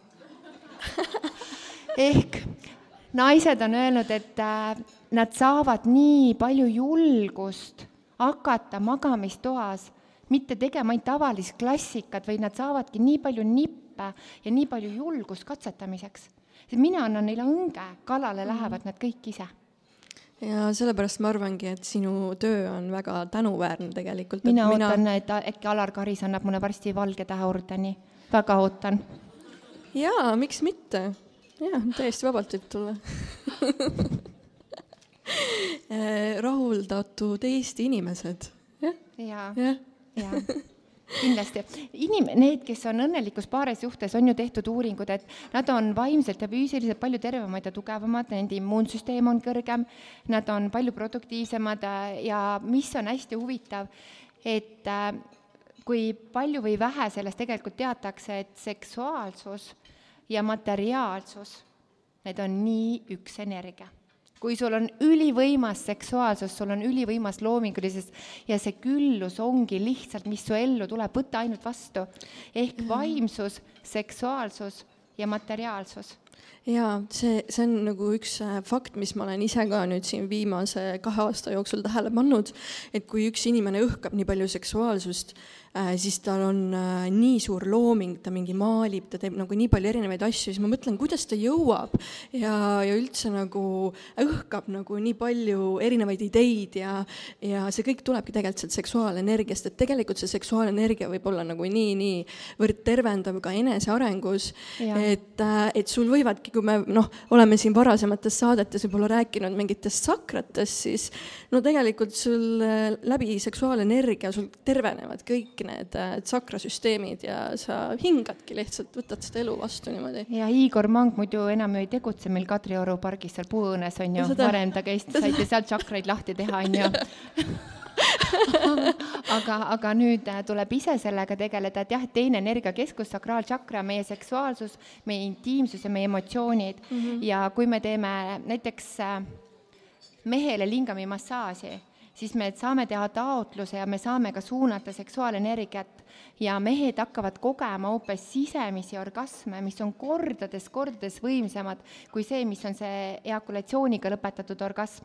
ja naised ka, et kui mees hakkab suunama seksuaalenergiat, kuidas naine puhkeb õide, kuidas naine hakkab noorenema, kuidas rakkude tasandil toimub tohutu transformatsioon, et naudingute rohked elu nautivad mehed ja naised on kordades-kordades nooremad need, kes on lihtsalt lõpetanud ühel hetkel seksimise, aga miks naised lõpetavad seksimise? sest nad ei ole head. Nad ei ole head kogenud, nad on pigem äh, pettunud selles mm -hmm. ja ja kindlasti, kui rääkida veel statistikast siis, siis kaheksakümmend protsenti pidi naisi teesklema orgasmi, kas aeg-ajalt või siis kogu aeg. aga nii nagu paavst Franciscus ütles, siis seks on kingitus jumalatele ja ma nii väga julgustan kõiki inimesi leidma üles oma seksuaalsuse, sest see on meil kõigil sünnimomendis kaasa antud just, et äh, et noh, kui mina näiteks siia ellu tulin, siis äh, minul, minul ei räägitud sellest mitte midagi ja pigem nagu vaikiti maha, et, et tõmba alla see energia, et et mis sa arvad, miks on inimestes nagu aastasadu seda energiat nagu maha tambitud ja sellest mitte räägitud? rumalatele inimestele ei tohi anda äh,, kui rumal inimene kasutab seksuaalenergiat mitteteadlikult, siis ta teeb seda endale pigem kahju kui kasu. Äh, tark ja teadlik, kes kasutab seksuaalenergiat kõige puhtama vibratsiooni pealt, siis ta loob lihtsalt uue maailma ja ühiskonnale on ohtlikud need inimesed, kes on puhta seksuaalenergia pealt, sest see on kõige võimsam energia üldse. jaa, täiesti nõus. ja kõik vastused on seal ja kirik teab seda ja mina nagu väga si-, nagu siiralt usun sellesse, et äh, see energia on väga tervendav meie kehale. mind ja... oleks, ma arvan, mõned, mõnesada aasta jooksul kindlasti tuleriidale kantud selle, nende samade asjadest, mis ma täna teen. jah, täiesti, võib küll olla nii. et ma nagu usungi, et see ongi nagu elektrisüst, mis äh, igasse keharakku tuleb seda tervendavat, helendavat energiat. meie see... iga keharakk on jah. seksuaalenergiaga laetud, sest kuidas me siia maailma tulime Mm -hmm. see oli nagu, see oli selline keemiline reaktsioon munaraku ja seemneraku vahel, et me oleme kõik algselt ju olnud kahes osas, eks ju, ja kuidas me hakkame paljunema ja, ja kõik see DNA kood ja, ja kõik see seksuaalsus Gunnar Aarma, mulle väga meeldis äh, see, kuidas tema käsitles seda seksuaalsust ja seksuaalenergiat. see on nii puhas ja see on nii võimas, aga inimesed seksivad ilma tunneteta, nad seksivad lihtsalt loomalikust ihast, nad seksivad, südamed on lukus ja kui sa seksid niimoodi, et äh, lihtsalt nagu see on mingisugune seksuaalakt, aga seal ei ole sinu hinge, südant, meelt, vaimu sees, siis see on nii hõre ja see pole mitte midagi võrreldes sellega, kui me oleme teadlikud mm. -hmm jaa, üks, üks asi on näiteks see, et noh, sa oled maininud, et me kõik oleme perverdid, on ju. et äh, mida ma olen võib-olla inimestes täheldanud, et ongi see, et me kardame olla võib-olla see loomalik pool, see nugis, mis sa ennem siin mainisid, on ju. et äh,, et meil kõigis on see olemas, on ju, et iseasi, kas me nagu näitame seda ja kas me peamegi seda üldse näitama äh,, kas sulle ei ole tundunud, meis on nagu natukene selles osas nagu inimestena mingisugune tagasihoitus, allasurutus, hinnang selle üle, et me justkui nagu teeme mingeid noh, noh, mis see loom teeb, möirgab, on ju. Äh, kui naine magamistoas ei möirga, siis ta keelab väga palju naudinguid endale tegelikult. just sellepärast, et naise hääles on nii suur vägi ja naise hääle kaudu tulevad see, see vibratsioon, mis sinu kehasse tekib, see on üli-ülimeeletu see on, see on lihtsalt nii pöörane ja, ja see on nii vabastav mm. -hmm. Ja, kui me saamegi selle kogemuse oma partneriga või ka saame selle kogemuse iseennast puudutades ja oma iseennast rahuldades, siis me ei, me ei peaks hoidma ennast tagasi. me ei tohiks hoida ennast tagasi mm, -hmm. sest selline pinnapealne virvendus ei ole pooltki see, mis on tegelikult võimalik kogeda see ongi see, et elage täie totaalsusega, sada protsenti, mhm. on ju. ei ole nagu pooltoonid, vaid on nagu kõik värvid. kõik värvid. Äh, jaa, see kogemus ju tegelikult teeb meid haavatavaks nagu väga paljuski ja seega tekitab selle, et me hoiame ennast nagu tagasi, et kardame jälle nagu haiget saada, on ju, siin on jälle see koht, et tuleks võib-olla mõelda, on ju, et ja, ja teiseks on ju ka ju vaata, kui on väikesed tüdrukud, eks ju, siis neile ka öeldakse, et ära naera nii kõvasti või ära tõsta seeliku saba üles või istu korralikult, eks ju. tüdrukud ei näita väljatele peale poisid meil, poiss, tüdrukud ise peavad ootama, et, et poisid võtaksid neid tantsima, mäletate, klassiõhtutel on, istusid, ootasid, kuna keegi tuleb. ma ei olnud kunagi selline olnud, ma lihtsalt võtsin oma klassivennad ja tassisin nad tantsima. mind ja ma olen täna samamoodi, et kui ma tahan mõne mehega tuttavaks saada, siis mina Krabad. lähen ja ei, mitte ma ei raba, aga, aga ma lihtsalt nagu lihtsalt ütlengi, et sa oled mulle nii sümpaatne, sa oled nagu nii äge mees, onju. see ei tähenda seda, et ma nende meestega voodisse läheksin. ma olen selline haukuv koer, onju, kes tegelikult ei hammusta. et ma võin jätta sellise mulje, et ma võtaks kõik endaga kaasa, aga ma olen tegelikult väga-väga-väga-väga-väga valiv. no vot nii, mina ka aga mis siis teeb see allasurutud seksuaalsus ikkagi inimesega, et millised on need ohud, ma tean, et sa mainisid siin et vingub ja viriseb, aga mis nagu üleüldises energias muutub nagu mehe-naise puhul? Äh, naistel ja meestel tegelikult tekib tohutu frustratsioon, äh, tekivad terviseprobleemid. Kõik see, mis on meile loomulikult antud, me, me peame seda töös hoidma. Mehe tervise puhul, kui mees ei saa regulaarset seksi mehe tervis halveneb, eesnääre on esimene asi, erektsiooniprobleemid, mees võib ühel hetkel olla täielik impotent. me ei tohi mehele kunagi sõnadega liiga teha, sest meestel ei ole sellist sotsiaalset võrgustikku, et ta läheb ja jagab äh, kõikidele oma sõpradele, mis koduses elus toimub. naised on sellised, kui suhtes on kriis, kõne sõbrannale, et tead, mida see põrsas täna ütles mulle, jah, tead jah sõbrannad kiidavad ka, et on ikka täielik põrsas, on ju. ja naine saab ennast tühjaks räägitud, ta läheb koju tagasi, vaatab, oh, tegelikult sõbrannadel on veel hullem põrssad kodus, on ju. et mul on tegelikult päris normaalne aga meeste puhul on ja see, et nad on ülihaavatavad ja mida matšom ja mida selline kõvem mees meile tundub, seda on õrnem ja haavatavam linnupoja süda on tegelikult sellise mehe sees mm. -hmm kas sa ise oled ka teadlikult äh, nii-öelda seksuaalenergiat kasutanud niimoodi, et ma olen nagu kuulnud, et mõned paarid nagu mõtlevad mingile reisile või mõtlevad mingile uuele majale või noh, perelisale, samal ajal kui nad nagu äh, on vahekorras ja siis nagu põhimõtteliselt see manifesteerub kolmekordsema suurema efektiga? ma majaga küll ei ole manifesteerinud. Peaks proovima, meil on korteris eks ma siis ütlen paari aasta pärast, kas läks hästi Pro. proovi ära siis aga jaa, seksuaalenergiat, äh, pigem mina tahaksin öelda seda, et äh, kui me seksime siis sel hetkel meie peas ei tohiks olla mitte ühtegi, segavat mõtet. me peame oskama tulla südame tasandile, me peame oskama luua seda armastuse ruumi iseenda ja oma partneri jaoks ja tihti on ju paari suhtes üks pool on nagu teadlikum või rohkem avatum, et kas on see mees või naine, siis alati usaldada tuleb seda teist poolt.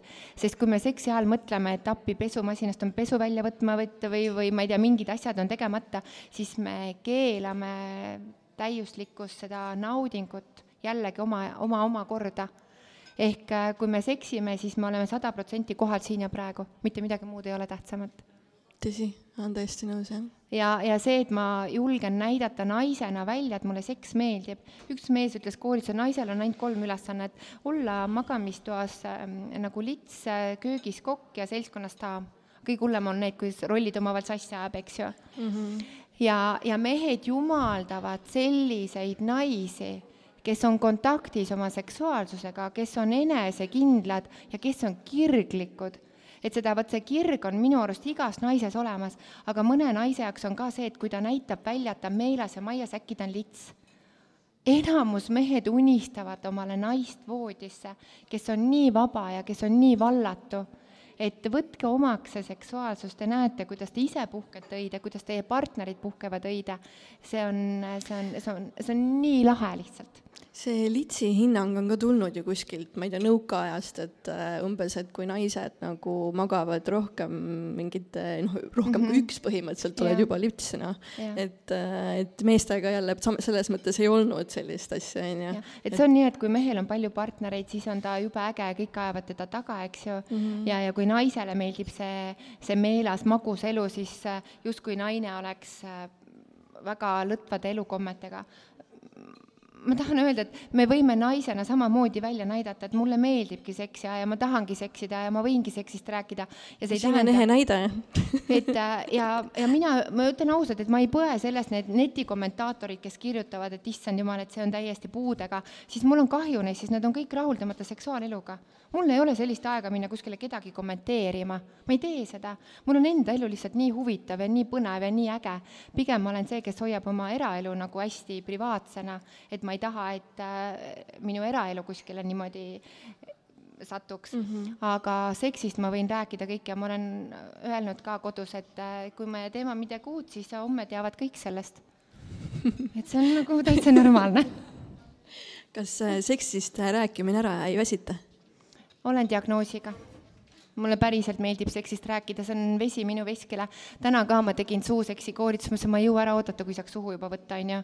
et see, see lihtsalt see, see seksuaalenergia on niivõrd võimas ja see on niivõrd toetav mm -hmm. ja ja minu arust see on nii vabastav, et sa saadki olla see, kes sa oled. ja enamus naised täna koolitusel kõik ütlesid ka, ja see on alati olnud, et see minu olemus, et ma olen nii vaba see muugib neid ka lahti, nad ja. lähevad ära neli tundi hiljem, neil on tunne, et nad tahaks kõik mehed munasid pidi pihku võtta jaa. nagu heas mõttes. ma veetsin terve nädalavahetuse sinu neid podcast'e kuulates ja, ja, ja, ja, ja siis äh, mulle meeldibki sinu puhul see, et sa lõhud need kõik need müürid, mis varem on nagu, nagu pandud seksuaalsuse kohta, et sa nagu urgitsed inimestes nagu välja selle, mis, mis nad tegelikult on mm. -hmm. et see on nagu väga võimas aga mis sa siis arvad nendest aseksuaalsetest inimestest, kes ongi enda sees nagu otsuse teinud, et nemad äh, seksuaalseid naudingut kogeda ei soovi, noh, nad ongi nagu inimesed, kes siis nagu äh, ei koge seksiga kaasnevat kirge ja rahuldust. Jaa, aga see on, see on täiesti, see, see ongi võimalik, et me oleme ju kõik väga erinevad ja kui see inimene on sellise otsuse teinud ja ta ei vaja seda, siis ta on, ta, ta ongi normaalne et pigem on nagu minu arust hullem variant see, kui inimene nagu tahab, aga ta eitab seda endas ja see pinge, mis tema sisse kasvab. ja, ja, ja näiteks inimene, kes ju on õel, kadev, vastik, ütleb teistele halvasti, siis talle tulebki kaasa tunda, sest tema sees on tohutu suur armastuse puudus et mina olen alati öelnud, et minu sees on nii palju armastust, et ma, mulle meeldivad nii naised kui mehed, et, et mul ei ole seda, et ma teeksin kellelgi vahet, et äh, ma suhtun kõikidesse inimestesse väga suure austuse, lugupidamisega. Ja selle me oleme kodust äh, oma ema-isa poolt kaasa saanud, et ei loe rahakoti paksus, vaid loeb ikkagi inimene ise. See, kes ta on oma põhiolemuselt ja me kõik oma põhiolemuselt oleme väga-väga head ja armastuse edasikandjad. jaa mulle meeldis ka see, et sa oled väga palju nagu teavitustöönud, tööd teinud nagu selle meeste erektsiooniprobleemide osas, et äh, enneaegne seemnepurse ka. no just, just. et äh, ma sel juhul just nagu mõtlen nende inimeste peale vahest, kes äh, ongi nagu lapsepõlvest traumeeritud, hing on haiget saanud, kellel on nii sügav igatsus nagu selle ühenduse järgi ja tahab sügavat sidet ja äh, nagu ja ühendust kogeda, on ju ja siis, ja siis ta on lõpuks leidnud endale selle nagu partneri, on ju, kes talle meeldib ja sobib. aga noh, mehed ei tule ju ütlema, et kuule, mul on praegu nagu sihuke seis siin, et nagu noh, enne vahekorda on ju.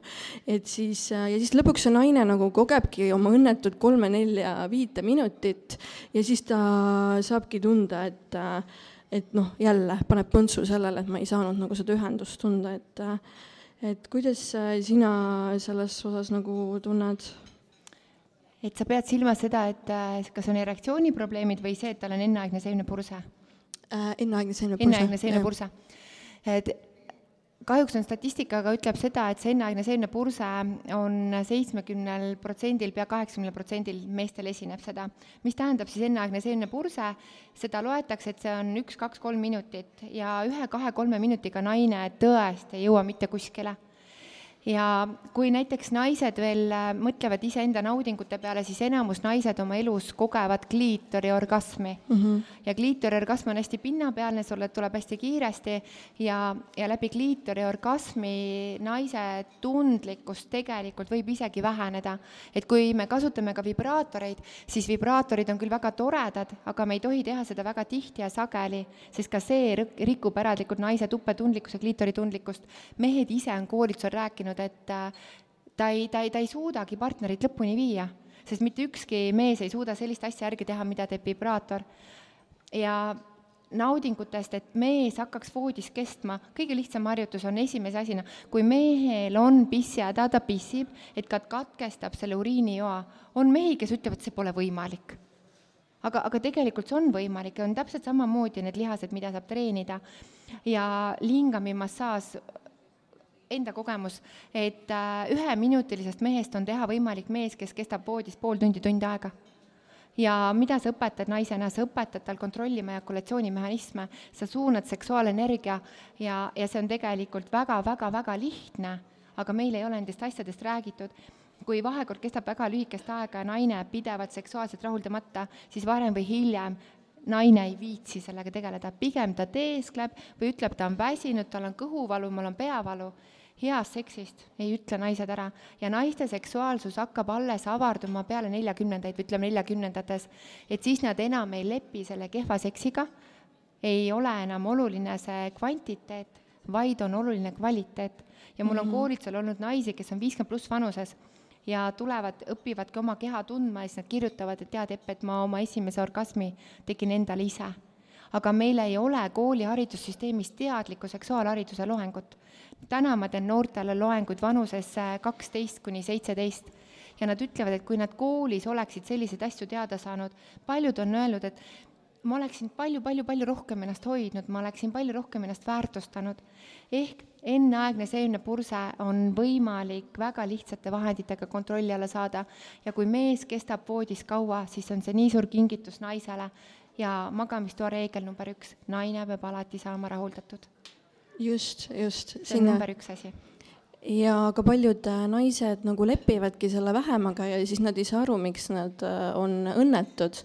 et ütlevadki, noh, toimuski see kaks-kolm minutit ja ütlevad, no pole hullu, proovime vaata uuesti või noh, niimoodi on ju, aga tegelikult äh, see tegelikult sügaval sisimas riivab Muidugi. sind. sügaval sisimas, sisimas nagu see nagu paneb sind tegelikult noh, mitte kuigi õnnelikuna tundma, on ju. et äh suhte alguses tuleb rääkida ka seksuaalsetest teemadest.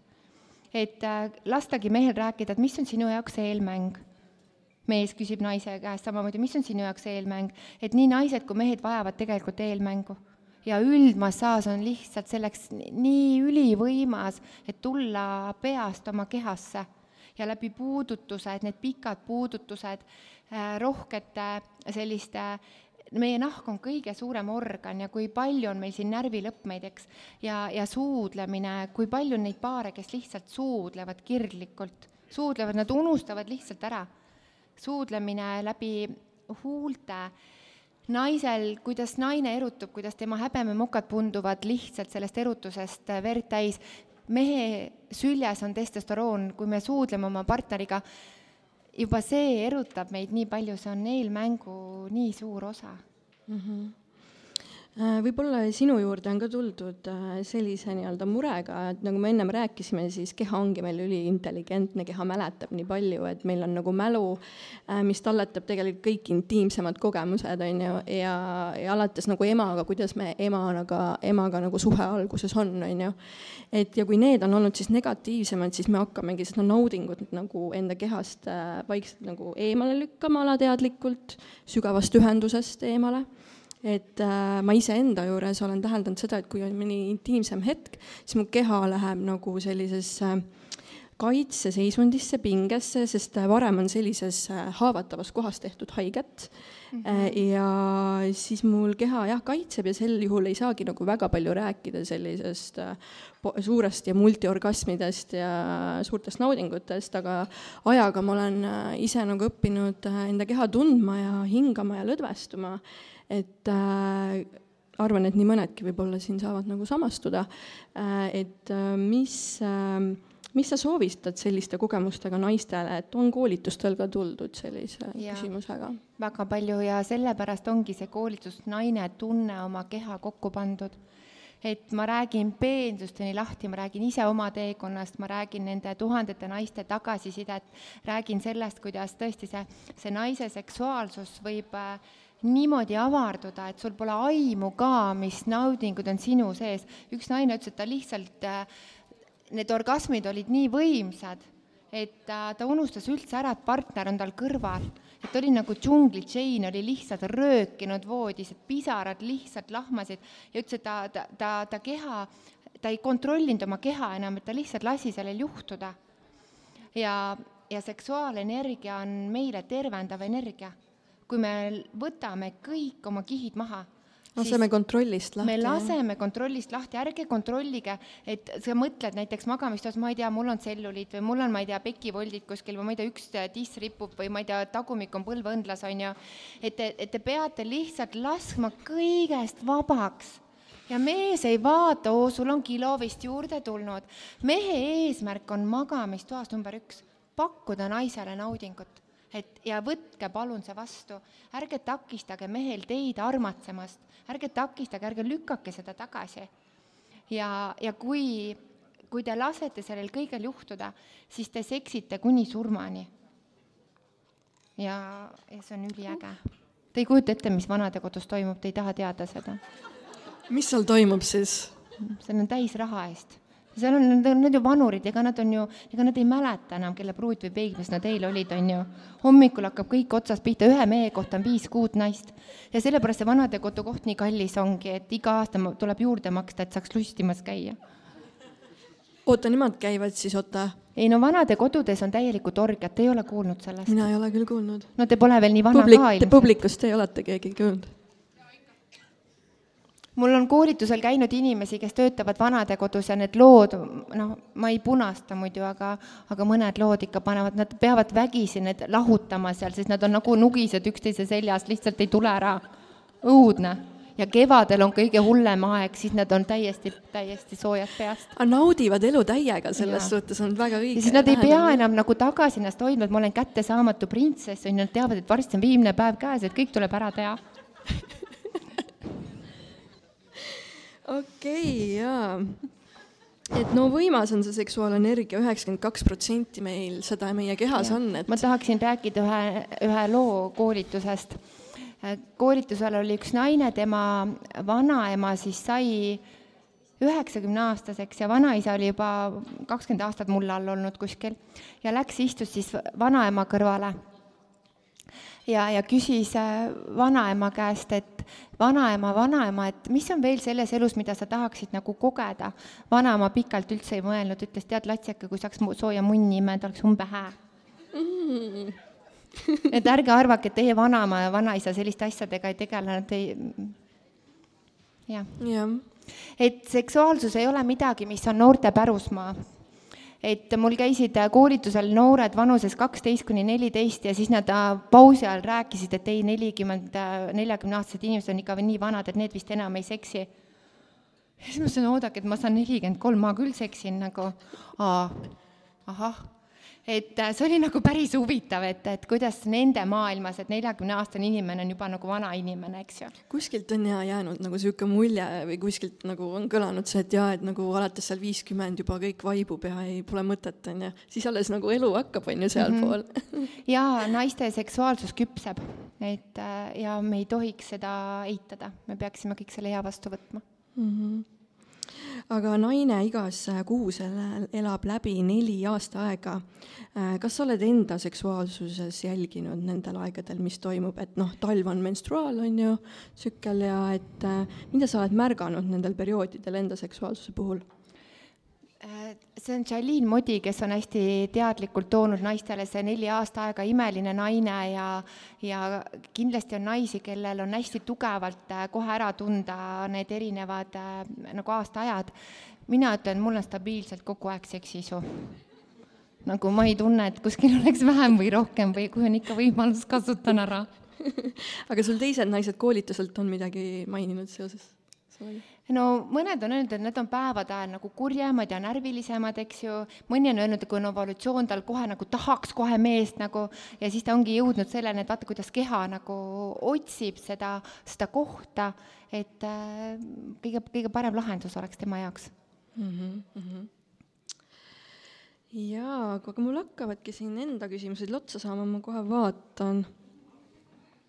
Aga sul on ju aastatega ju enda neid äh, koolitusi ju noh, sul on uusi nagu koolitusi tulnud ka, et ja. see on omanäolisemaks kujunenud, mingid koolitused ja mingi üks ja kaks, part üks ja part kaks või midagi. ma teen täna väga palju erinevaid koolitusi, et äh, minu kodulehekülg ei ole enam amareluna.com, eks, vaid on mm -hmm. eppkarsin.com, sest ma vaidlesin ühe sõbraga, kes ütles, mitte keegi ei tea Maare Lunat, et guugeldad, kõik otsivad Epp Kärisini seksikoolitust, ma ütlesin, ei otsi.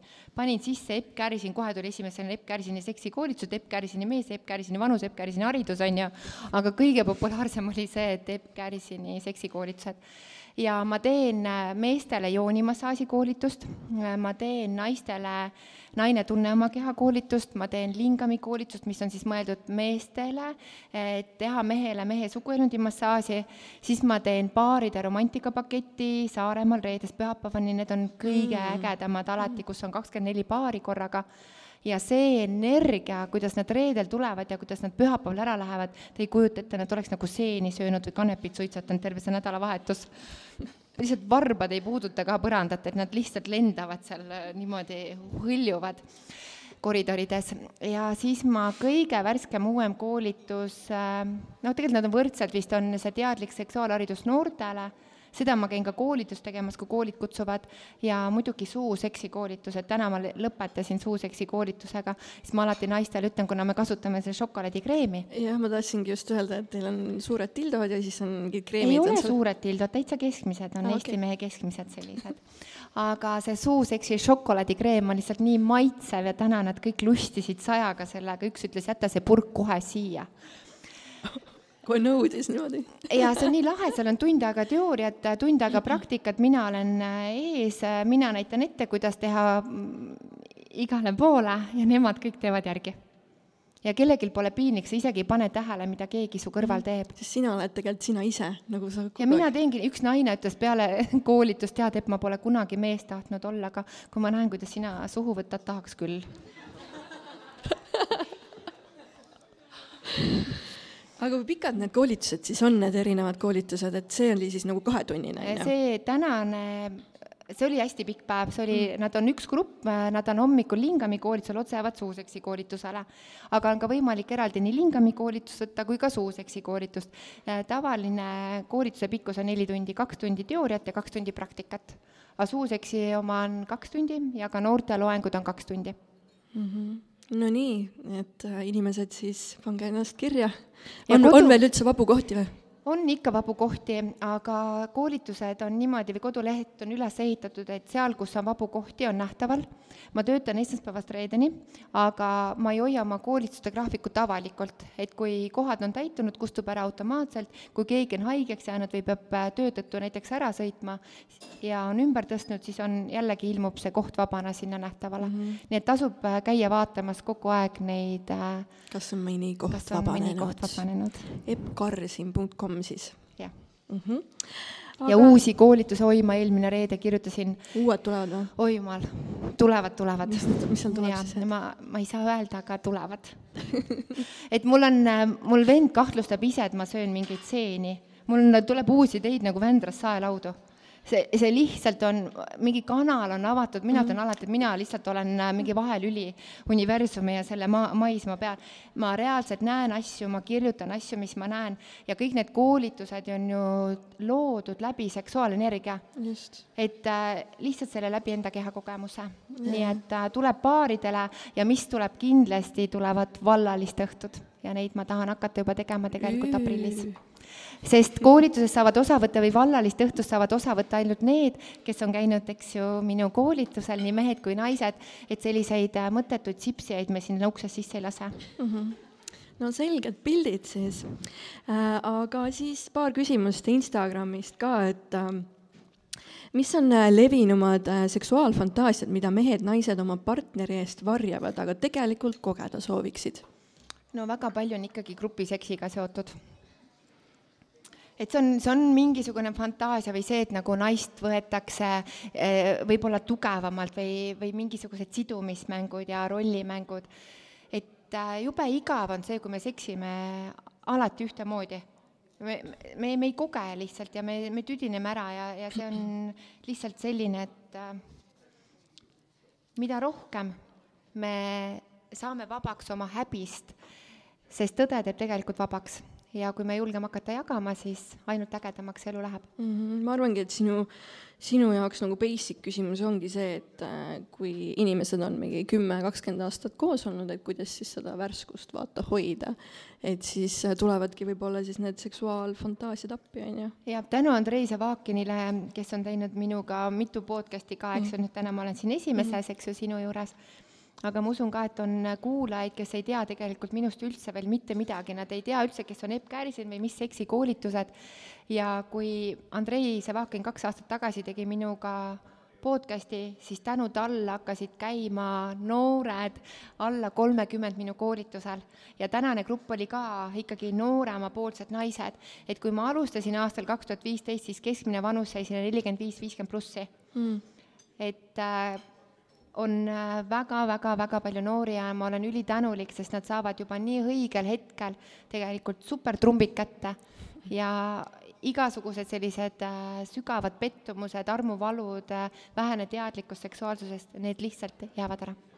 no väga vinge, siis tuleb tulla kindlasti äh,. nii, vaatame veel, mis siin on äh,. kuidas lastele seksuaalsusest kõneleda ja teha need teemad nende jaoks turvaliseks ja omaseks?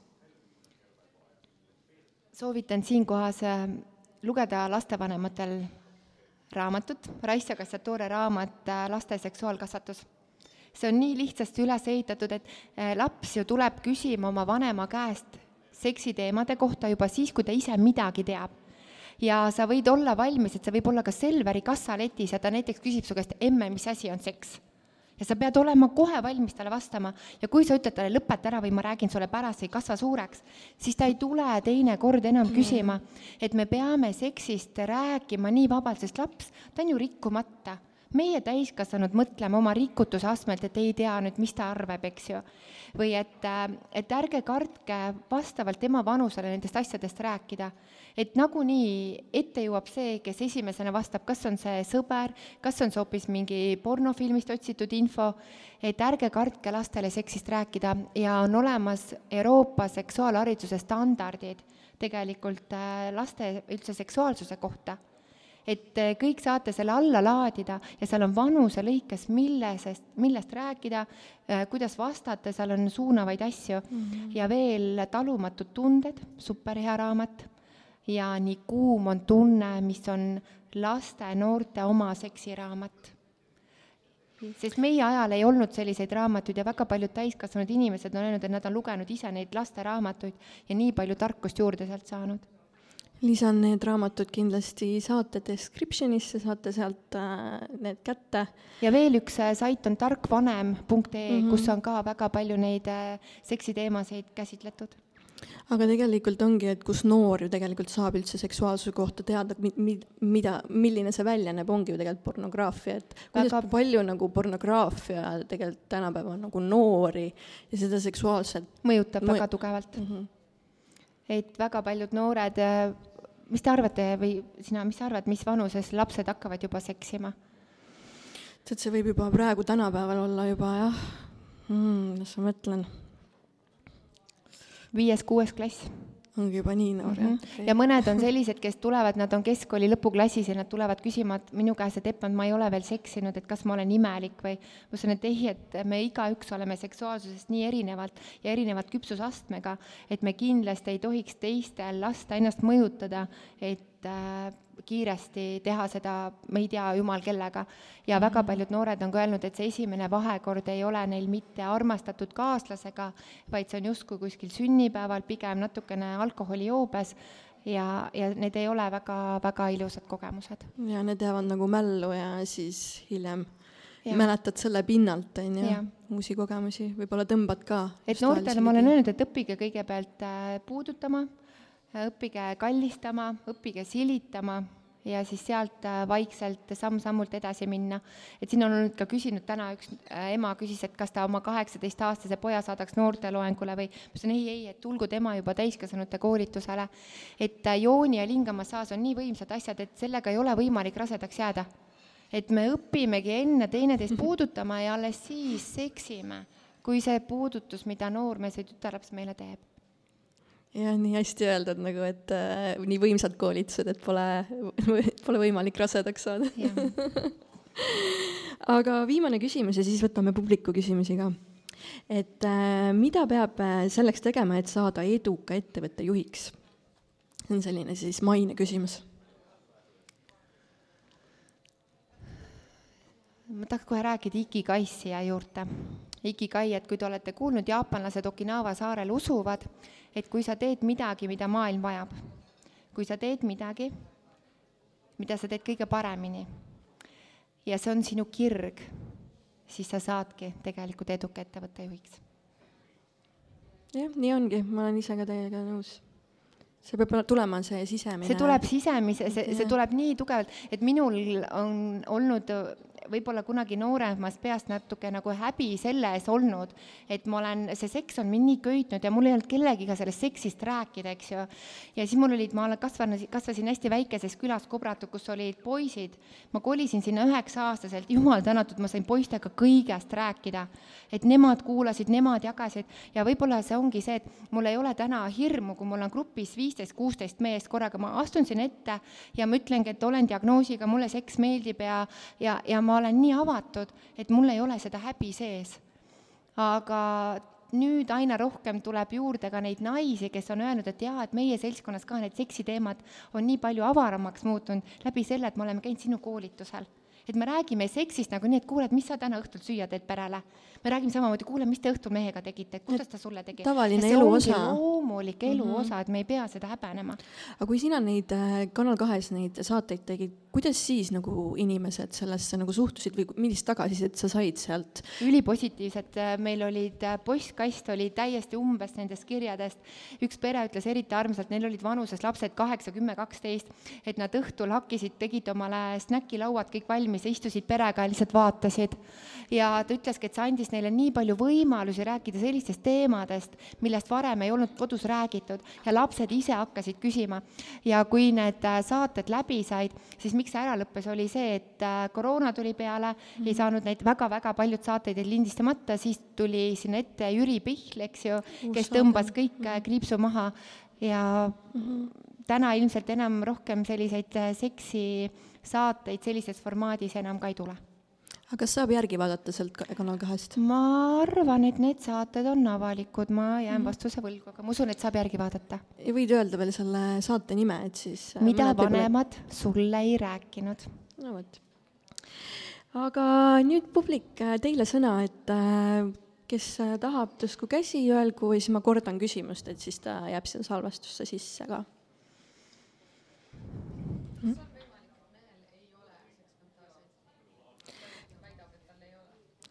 kas võib-olla, küsiti siis, et äh, kas äh, võib olla nii, et mehel ei ole seksfantaasiaid, et kas see võib nii olla? täitsa võimalik. jube igav elu äh,. millest see võib tuleneda või oskad äkki? võib-olla ta on kasvanud sellises perekonnas, võib-olla seks on olnud väga tabu, hästi konservatiivne ja tal ei olegi seda kontakti selle seksuaalse maailmaga et tema jaoks on seks lihtsalt niimoodi, noh, et teeme siis, eks ju. ja tal ei, tal ei olegi rohkem nagu mingeid värava, väravaid, mida avada. nii, on veel küsimusi? keegi tahab? no? ongi kõik, jah? ärge häbenege, viimane, nii, nii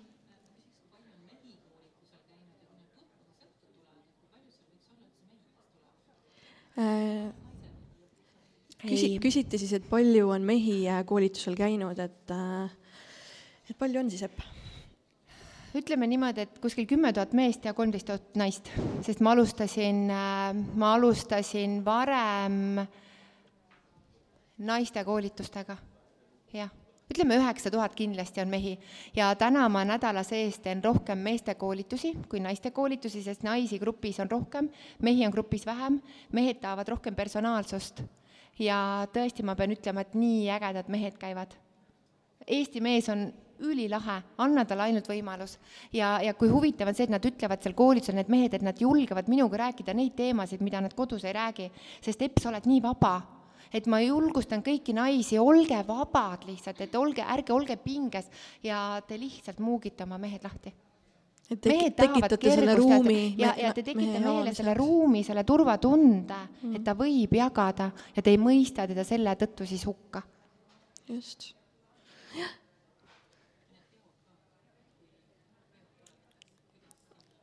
et äh, küsiti peo, peode kohta, et äh, peod, mis mõttes siis, et mul on olnud seal kakaopidu, eks ju, ja aha. kui nüüd tulevad vallaliste õhtud, siis kindlasti tasub liituda meie uudiskirjaga aha, okay. kodulehe pealt ja siis uudiskirja saavad selle, saavad selle info esimesena ja meil on olemas ka Facebooki kinnine grupp Amare Luna ja ka seal liitudes äh, on võimalik seda infot saada.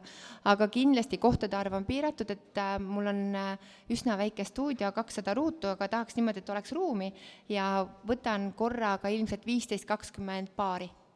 et seal oleks ruumi kõikideks toredateks tegevusteks mm. -hmm.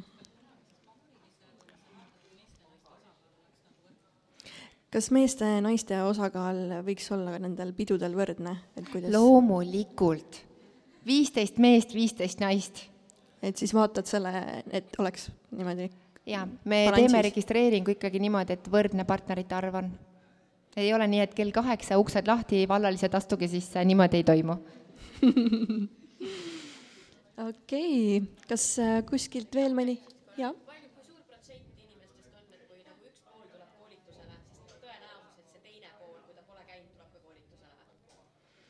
et äh, nii, võid küsida ise.